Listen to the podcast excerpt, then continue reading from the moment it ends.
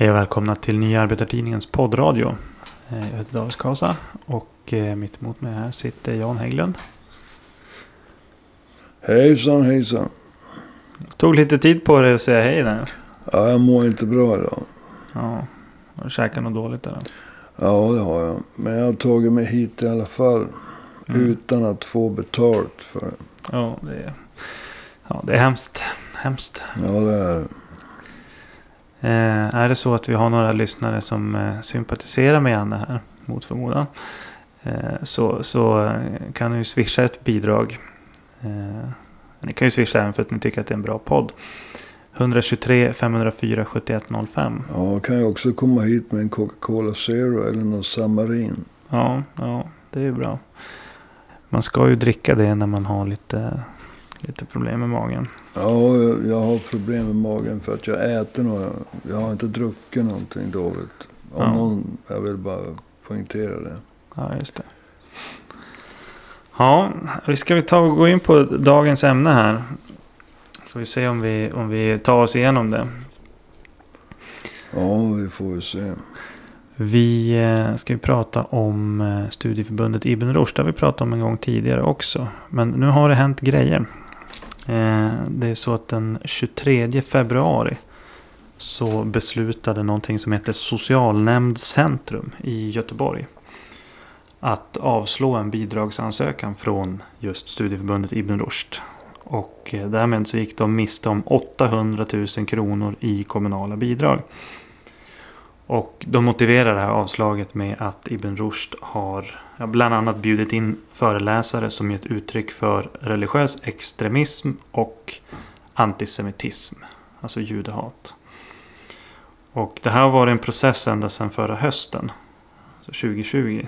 När Göteborgs kommun frös bidragen då till Ibn Rushd. För att utreda deras samarbete med icke-demokratiska organisationer och även ta sig en titt på deras ekonomiska angelägenheter.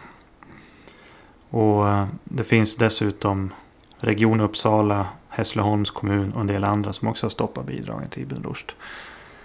Eh, och min första fråga, jag tänkte att du skulle få sätta in Ibn Rushd i ett sammanhang här. För de hör ju till ett nätverk av organisationer kopplade till Muslimska brödraskapet. Vilka är Muslimska brödraskapet? Ja, alltså det finns ett eh, teologiskt center i eh, Egypten. Jag tror att det är i Kairo. Eh, det är ett anrikt center. Det heter Al-Azhar.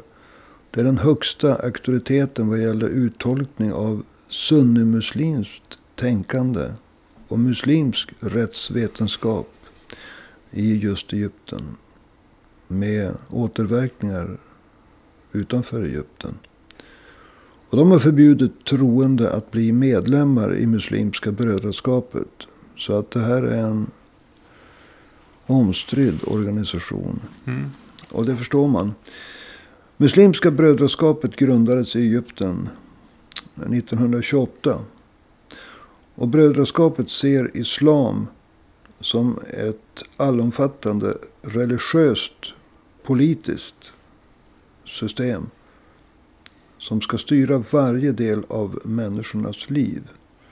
Här har man inte skilt staten från religionen. Utan religionen ska styra staten. Mm. Det vill säga, det är inte riksdagen som fattar beslut om grundlagar och som regeringen sedan har att rätta sig efter. Utan här är det sharia som gäller. Alltså en gudomlig rättsskipning. Och enligt brödraskapets ideologi ska alltså islam styra allt ifrån stiftandet av samhällets lagar och ner till hur varje enskild individ ska leva sitt liv. Mm. Brödraskapets slutmål är upprättandet av ett kalifat. En stat där ett självutnämnt prästerskap styr baserad på just sharia. Just det. Eh, sharia, kan du bara förklara för lyssnarna? Ja, med nöje. Alltså. jag är inte expert på muslimsk teologi. Det jag har koncentrerat mig på det är vad som är islamism. Alltså det som vissa kallar politisk islam. Organisationer som exempelvis Muslimska brödraskapet och wahhabitisk salafism. Men sharia, det är uppfattningen att det finns en gudomlig rättsskipning. En gudomlig lagstiftning kanske man ska säga. Som är baserad på 350 verser ur Koranen. Som är baserad på Muhammeds sunna. Alltså hans göranden och hans uttalanden. Och till det kommer då olika fikr. Alltså det har ju skett tolkningar av verserna i Koranen och Muhammeds sunna. Under åren som har gått efter 600-talet. Det här är det material som sharia är baserad på. Och framförallt verserna i Koranen. De är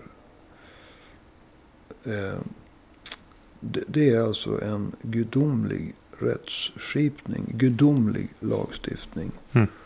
Och de kommer alltid, vad deras utövare än säger, att stå över exempelvis de svenska grundlagarna. Eller något annat lands grundlagar. Därför att alla grundlagar, oavsett om de är stiftade i en demokratisk församling som är riksdag. Eller om de är stiftade av en diktator. Låt oss kalla det för, vi säger Mussolini. Så är det människan. Men den gudomliga lagstiftningen står alltid över människans lagstiftning. Sen spelar det ingen roll om det är en diktator eller en demokratisk församling som har fattat lagarna. Mm. Och det är kärnan i de strider som vi utkämpar. Det handlar alltså om religionskritik. Det vill jag att alla lyssnare ska förstå. Det här har ingenting med rasism, främlingsfientlighet, skepticism mot araber eller andra troende. Det kan vara perser som vi tidigare kallade de människor som bodde i Iran. Utan det här handlar om religionskritik. Mm. Just det. Eh, om vi går tillbaka till Muslimska brödraskapets nätverk och organisering i Sverige. Hur passar det här studieförbundet Ibn Rushd in i det? Ja, Muslimska brödraskapets huvudorganisation, deras ryggrad, det är Islamiska förbundet i Sverige. Mm. Och för att nu inte blanda bort korten så ska jag inte räkna upp alla andra organisationer. Ja, det Så- finns ju många. Ja, det finns väldigt många som är knutna i, i, till Muslimska brödraskapet. Men om vi säger att Islamiska förbundet i Sverige, det är brödraskapets huvudorganisation i detta land. Så Ibn Rushd är alltså ett studieförbund och det utgör Muslimska brödraskapets största kassako. Mm. Och eh, jag tycker att man borde fundera på att göra den 23 februari till en nationell helgdag.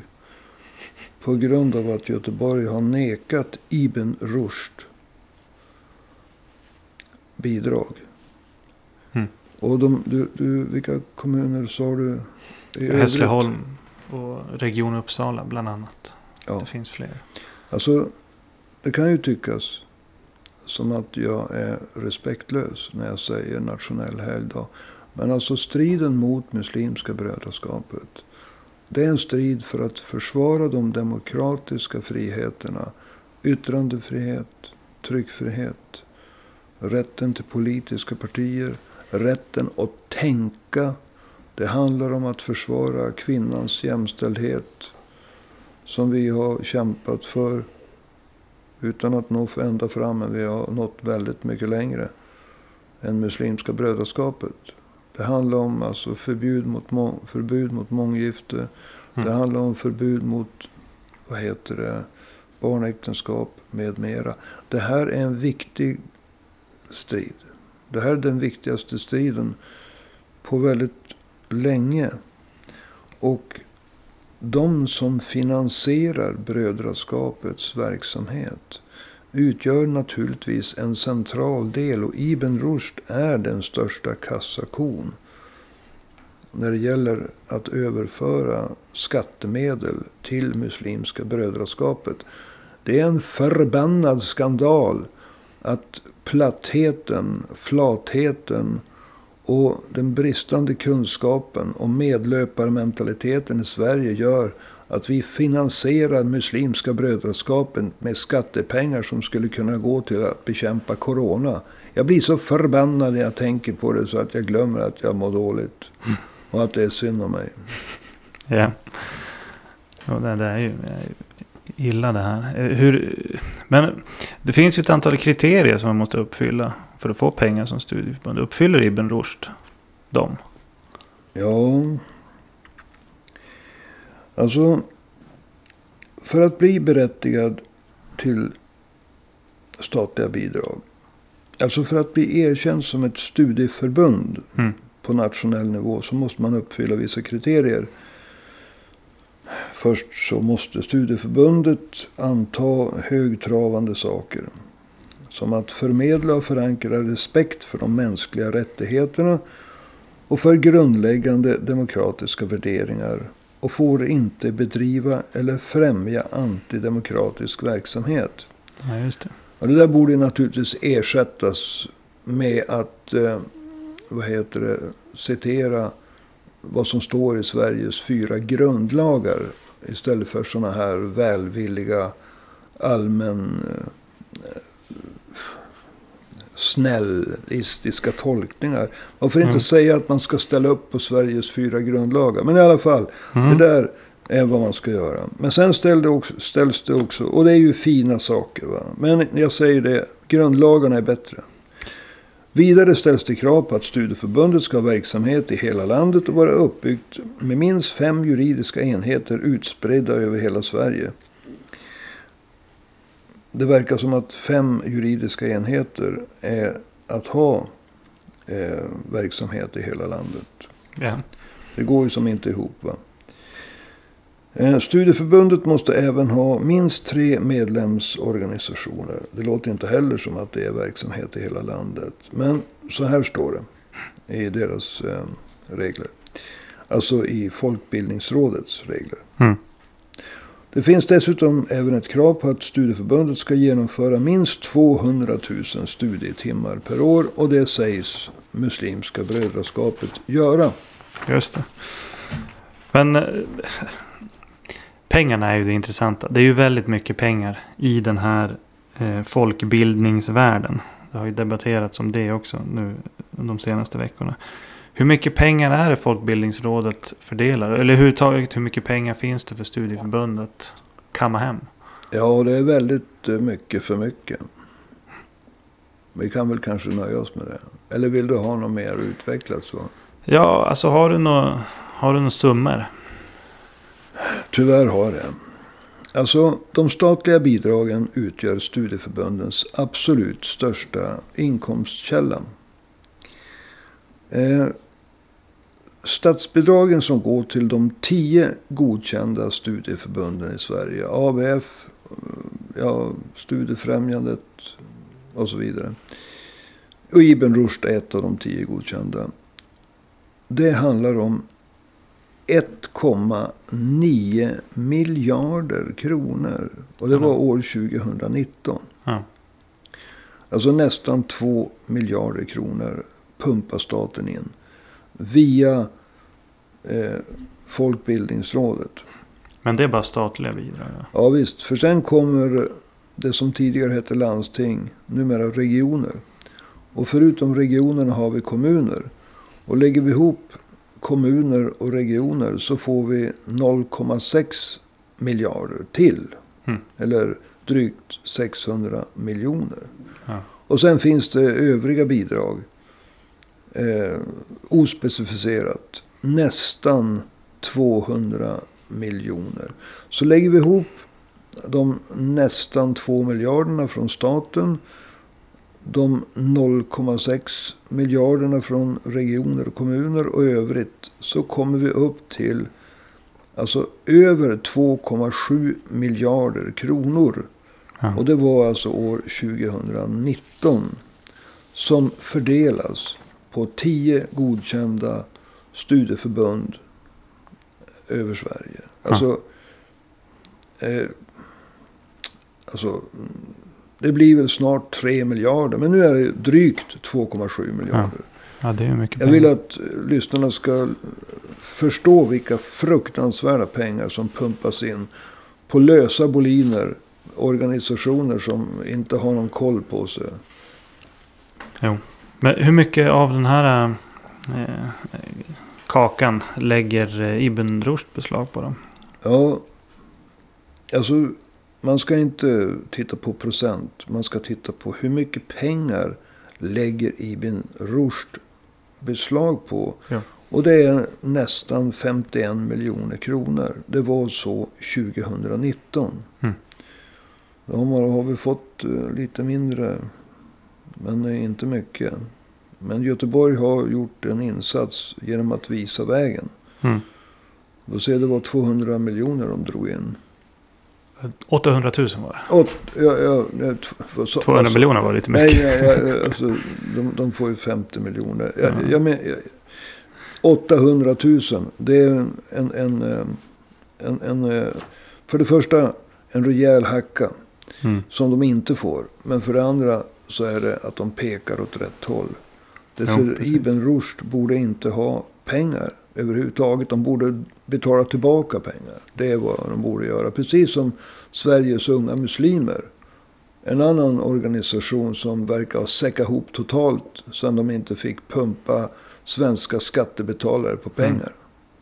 Precis. Knutna till Muslimska brödraskapet självklart. Ja. Och hur mycket är det av de där pengarna som Ibn Rushd får? Hur mycket är det som är kommunala bidrag? Så vi får en känsla för hur mycket Göteborg har. Ja, staten är 32 miljoner. Kommunala bidrag är 6 miljoner. Övriga bidrag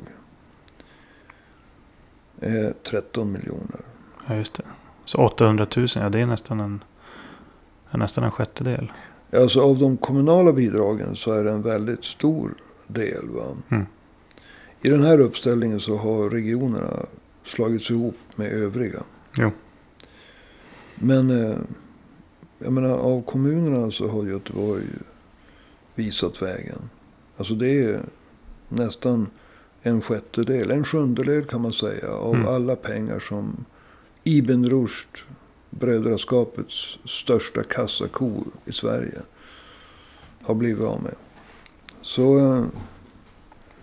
Götet, Götet har gått före här. Ja, av de kommunala. De kan spela fotboll också ibland. Ja, ja. Eh, Alla heter Glenn där också. precis. Nu spårar du ur här lite grann. Ja, men jag mår dåligt. Jag Jo, måste hålla du, är, uppe. du, är, du är ursäktad idag. Ja. Eh, Ibn Rushd har ju faktiskt blivit granskade också. Det var ju Ja. så att eh, det var ju en rapport som kom från Folkbildningsrådet. Eh, Ja. 2019. När tilliten brister hette ja, den. just det. Väldigt, väldigt tårögd blev man. När tilliten Ja. brister. Och Vad kom de tänker fram man, till Ja, alltså, då tänker man ju när tilliten brister. Att de ska komma, komma fram till någonting. Va? Men de har använt en sån här gråtmild titel. Troligtvis för att beskriva sina egna känsliga Självklart. Ja ja men, men alltså, det var en bra rapport. Va? Eh, det var liksom eh, gråtmild titel på rapporten och taskiga slutsatser. Men det var en bra rapport. Alltså, eh, Studieförbundet Ibn Rushd till Folkbildningsrådets eh, så att säga heder så kritiserar de Ibn Rushd på flera mycket, mycket allvarliga punkter. Mm. Rapporten konstaterar rakt ut att Ibn Rushd tillhör en sunnimuslimsk samhällstillvänd tolkningstradition med ideologisk anknytning till Muslimska brödraskapet. Mm. Och Ibn Rushd, detta till brödraskapet slutna studieförbund, kritiseras av Folkbildningsrådet för att inte ta itu med frågor som homofobi, inte ta itu med frågor som antisemitism, att makten inom studieförbundet är koncentrerad till ett litet mansdominerat nätverk. Men trots dessa uppenbara brister beslutade Folkbildningsrådet, och det är därför jag är irriterad på detta råd, att fortsätta att betala ut statliga bidrag. Och kom ihåg va, att när det gäller folkbild... Eh, när det gäller vad Ibn Rushd får. Va, 51 miljoner eh, 2019. Så kom alltså 32 av de där 51 miljonerna från Folkbildningsrådet. Så alltså två tredjedelar av pengarna, alltså 60 procent Mm. av Ibn Rushd alla pengar, kommer alltså från Folkbildningsrådet. Så att det är därför som jag blir så irriterad när jag läser deras gråtmilda titel När tilliten brister. Men dra in pengarna då. Ja. Det handlar ju om 32 miljoner. Men de beslutar alltså att fortsätta att betala ut pengar. Och det visar hur effektiv eh, lobbyverksamhet Ibn Rushd beskriver. Det, Ja. dera- de, de är ju kända för att infiltrera till och med regeringen genom eh, före detta bostadsministern ministern Kaplan. Va? Jo. Ja, Nej, Folkbildningsrådet består väl bara av människor som kommer från studieförbunden själva också dessutom. Ja, det finns i alla fall en uppenbar medlöparmentalitet. jo. Men visst är det fler, det är fler som har kritiserat eh, Ibn Rushd. Bland annat för det här med antisemitismen. Ja, men vi, ska, vi ska stanna upp här. Jag vill säga en sak. Alltså, de, de säger ju så här. Att de tar inte ifrån itu med frågor som homofobi och antisemitism. Antisemitism det är alltså judehat. Mm. Och jag vill redan här alltså, alltså ta upp ett citat från en andlig ledare. En, en, en, en av de absolut viktigaste andliga ledarna i Muslimska brödraskapet. Så att lyssnarna får klart för sig vad vi har att göra med. Mm. Han heter Al-Qaradawi. Yusuf det. Och 2009 sa han bland annat följande. Han talar här om eh, judarna, Hitler och muslimer. Al-Qaradawi. Jag citerar. Genom historien har Allah ålagt vissa personer att straffa judarna för deras korruption. Den senaste bestraffningen utfördes av Hitler. Genom allt han gjorde mot dem. Även om de har överdrivit denna fråga. Lyckades han sätta dem på plats. Detta var ett gudomligt straff för dem. Med Allahs vilja kommer nästa bestraffning att utföras av de troende. Slut på citat. Och det här är en av de få tillfällen då massmordet, folkmordet på judar under andra världskriget i Auschwitz, Dachau, Bergen-Belsen och så vidare har kallat, kallats för ett gudomligt straff. Mm. Och det är alltså en av Muslimska brödraskapets absolut mest viktiga andliga ledare som säger det. Mm. Bara så att alla förstår vad vi har att göra med och varför jag är upprörd över att Folkbildningsrådet som konstaterar knut, knytningen mellan Ibn Rushd och Muslimska brödraskapet fortsätter att betala ut pengar. Mm. Men det finns ju som sagt eh, fler som har kritiserat då. Ja, det gör det. För, för kopplingar till religiös extremism och Ja. sådana saker. Eh, I en debattartikel i Expressen har forskarna Magnus Ranstorp, Peder Hyllengren och Aje Karlbom tagit upp kopplingarna just mellan Ibn Rushd och religiös extremism. Eh, Vi kan ta tre exempel. En av Mm. Ibn Rushds medlemsorganisationer bjöd in den saudiske imamen Sheikh Tawfek As Sayeg. Jag är dålig på uttalet. Men jag kallar honom för Sayeg i fortsättningen. Mm.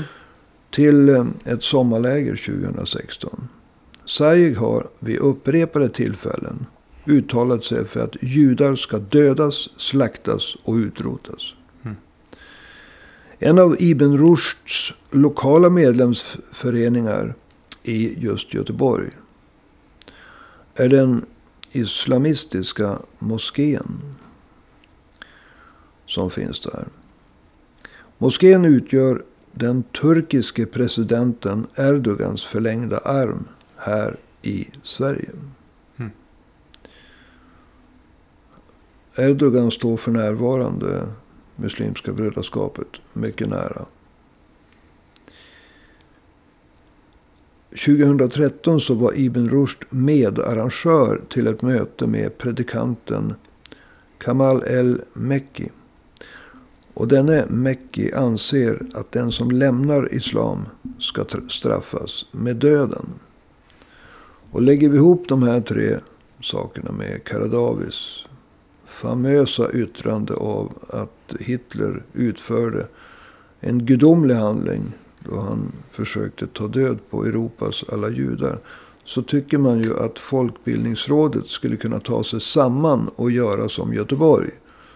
Göteborgs kommun. Dra in pengarna för Ibn Rushd. Mm. Men se, så långt kunde man inte gå. Trots att tilliten har brustit. Just det. Eh, om man tittar på själva Ibn Rushds eh, verksamhet. Alltså Folkbildningsrådet, de, de har ju alltså, som ett sätt att liksom legitimera att de, de eh, eh fortsätter att betala ut bidrag. Och säger att Ibn Rushd, de håller ju på med ett integrationsarbete. Ett viktigt integrationsarbete. Stämmer det att det är det de jobbar med? Alltså studieförbunden. Och, och det är ju inte bara Ibn Rushd. Utan det är ju studieförbund åker ju dit för att fuska med pengar. Både då och då. Både här och där. Men eh, om vi ska gå på Ibn Rushds eh, egna siffror. För jag har inga bevis för att de fuskar. Va? Men eh, de påstår, om man tittar på deras eh, årsredovisning för 2019. Att de genomfört 285 000 studietimmar. Då är 56 procent av alla deras studietimmar. Antingen handlar den om religion. Och det är ju naturligtvis islam. Eller också handlar det om språkundervisning i arabiska. 56 procent. Eh, Det är bara 4 procent av alla studietimmar. Och det är ju 285 000. Som utgör eh, en fortbildning i det svenska språket. Mm. Och det är ju en av de viktigaste stegen mot att kunna integreras i det svenska samhället. Få jobb. Lära känna svenska människor och så vidare. Så istället för att jobba för integrering. Som ju är motivet till att de får pengar från Folkbildningsrådet. Mm. Så framstår det, inte bara i mina, men definitivt i mina ögon, som att Ibn Rushd när det kommer till kritan arbetar för att vidmakthålla eller till och med stärka den rådande segregeringen i det svenska samhället. Och det stämmer. Alltså att arbeta emot integrering. Mm. Helt med Muslimska brödraskapets strävan efter att skapa enklaver Jo. i det svenska samhället. Där sharia sätts över svenska lagar. Även över de svenska grundlagarna. Du, eh, vi börjar närma oss eh, avrundningen här. Men eh, en, en av de frågorna som man ställer sig när man lyssnar på det här. Det är ju alltså hur, hur, hur kan det komma sig att det fortsätter betalas ut pengar till den här organisationen? Ibn Rushd. Ja, Alltså att inte fler gör som Göteborg. det beror ju på att eh, i Göteborg så kanske det finns en tradition av tuffhet.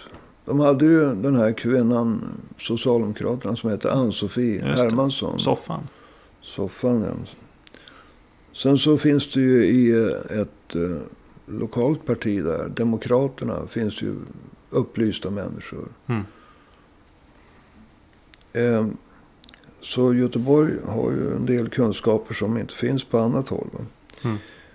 Men eh, sen är det ju så att Sverige rent allmänt sett, alltså jag har svårt att komma över att en person med starka knytningar till Muslimska brödraskapet, Mehmet Kaplan, kunde hamna i regeringen. Alltså de har infiltrerat partier och myndigheter i Västeuropa sedan 50-talet. De har en väldigt effektiv lobbyverksamhet. Ibn Rushd försökte till exempel sabotera ett möte vi hade med en forskare. En forskare om terrorism här i Umeå. Genom att ringa upp och skrämma ett studieförbund som var med som arrangörer. Det misslyckades. Det finns alltså eh, en medlöparmentalitet i Sverige. En eh, allmän feghet. Eh, som spelar rakt i händerna på Muslimska brödraskapet och andra islamistiska organisationer. På till exempel, Sverige var väl det enda landet i Europa som inte kunde kontrollera innehållet i mobiltelefoner och datorer. När folk som hade uppenbarligen varit nere och på olika sätt med vapen eller på andra sätt stött eh, Islamiska staten eller Mm. Daesh. Mm. Sverige hade inga lagar som gjorde att det var möjligt att ta reda på vilka brott som hade begåtts. Alltså det finns en medlöparmentalitet, en flathet. Och det är det som gör att eh, till exempel Folkbildningsrådet fortsätter att betala ut pengar. Och det sätter i sin tur tonen för regioner, kommuner och de som betalar ut de övriga bidragen. Så jag tycker att Folkbildningsrådet själv borde utredas. Borde utsättas för en kritisk granskning. Eh, De ska inte komma undan med att ge några exempel, skriva något gråtmilt som när tilliten brister och fortsätta som förut. Det går inte va. Nej. Och därför måste vi liksom... eh, Jag anser att Folkbildningsrådet måste utsättas för en kritisk granskning. De har tagit fram bra fakta. Men det gör bara det ännu värre att de fortsätter att betala ut pengar. Så det försvarar inte Folkbildningsrådet. Det gör deras verksamhet det är ju ännu värre. ännu värre. Så, men, men eh, leve Göteborg höll jag på att säga. Utan att nu bli alltför chauvinistisk. All right. Är det så du vill avsluta? Eller vill du lägga till någonting? Ja, alltså jag, jag vill, jag vill eh, tacka Göteborg för att de har dragit undan en del av eh, Ibn Rushds pengar. Ibn Rushd som utgör Muslimska brödraskapets största kassako i Sverige. Och att de har visat vägen. Jag skulle önska att Umeå kommun kunde läsa vägkartan också. Mm. Det vore bra. Ja, nej men vi, vi får väl avsluta där. Det är en delseger. För oss som eh, kämpar för ett sekulärt samhälle. Och det måste vara en seger även för alla muslimer som eh, är demokratiskt sinnade. Absolut. Och eh, inte stödjer den här eh, minoritetsuppfattningen som finns inom Muslimska brödraskapet. Som inte stödjer Muslimska brödraskapets tolkning av islam. Eller de wahhabitiska, salafistiska tolkningarna. Mm. Det är en seger för alla. Och det är en majoritet av muslimer. Alright. Ja, men du, med de orden så får jag tacka för idag då. Ja, Får du ta och kurera dina maggrejer. Fast de känns lite bortblåsta här. Det är som att du kom upp i gasen lite grann. ja men nu är jag dålig igen. Ja, ja men tack för idag. Ja, tack. Du som eh, lyssnare. Skulle vi ha listat listan på folk som har gett oss swishbidrag tidigare. Vi får ta det i nästa avsnitt. Ja. Men eh, det hindrar inte dig som lyssnar från att eh, stötta oss med en liten eller en stor slant. Du swishar in den på 123 504 7105. Alltså 123 504 7105. Och eh, numret finns ju också i beskrivningen av det här poddavsnittet om du inte hann skriva ner det. Eh, David Skas heter jag. Jag har pratat med Jan Hägglund. Det här var Nya Arbetartidningens poddradio och vi hörs igen nästa vecka. Hej då!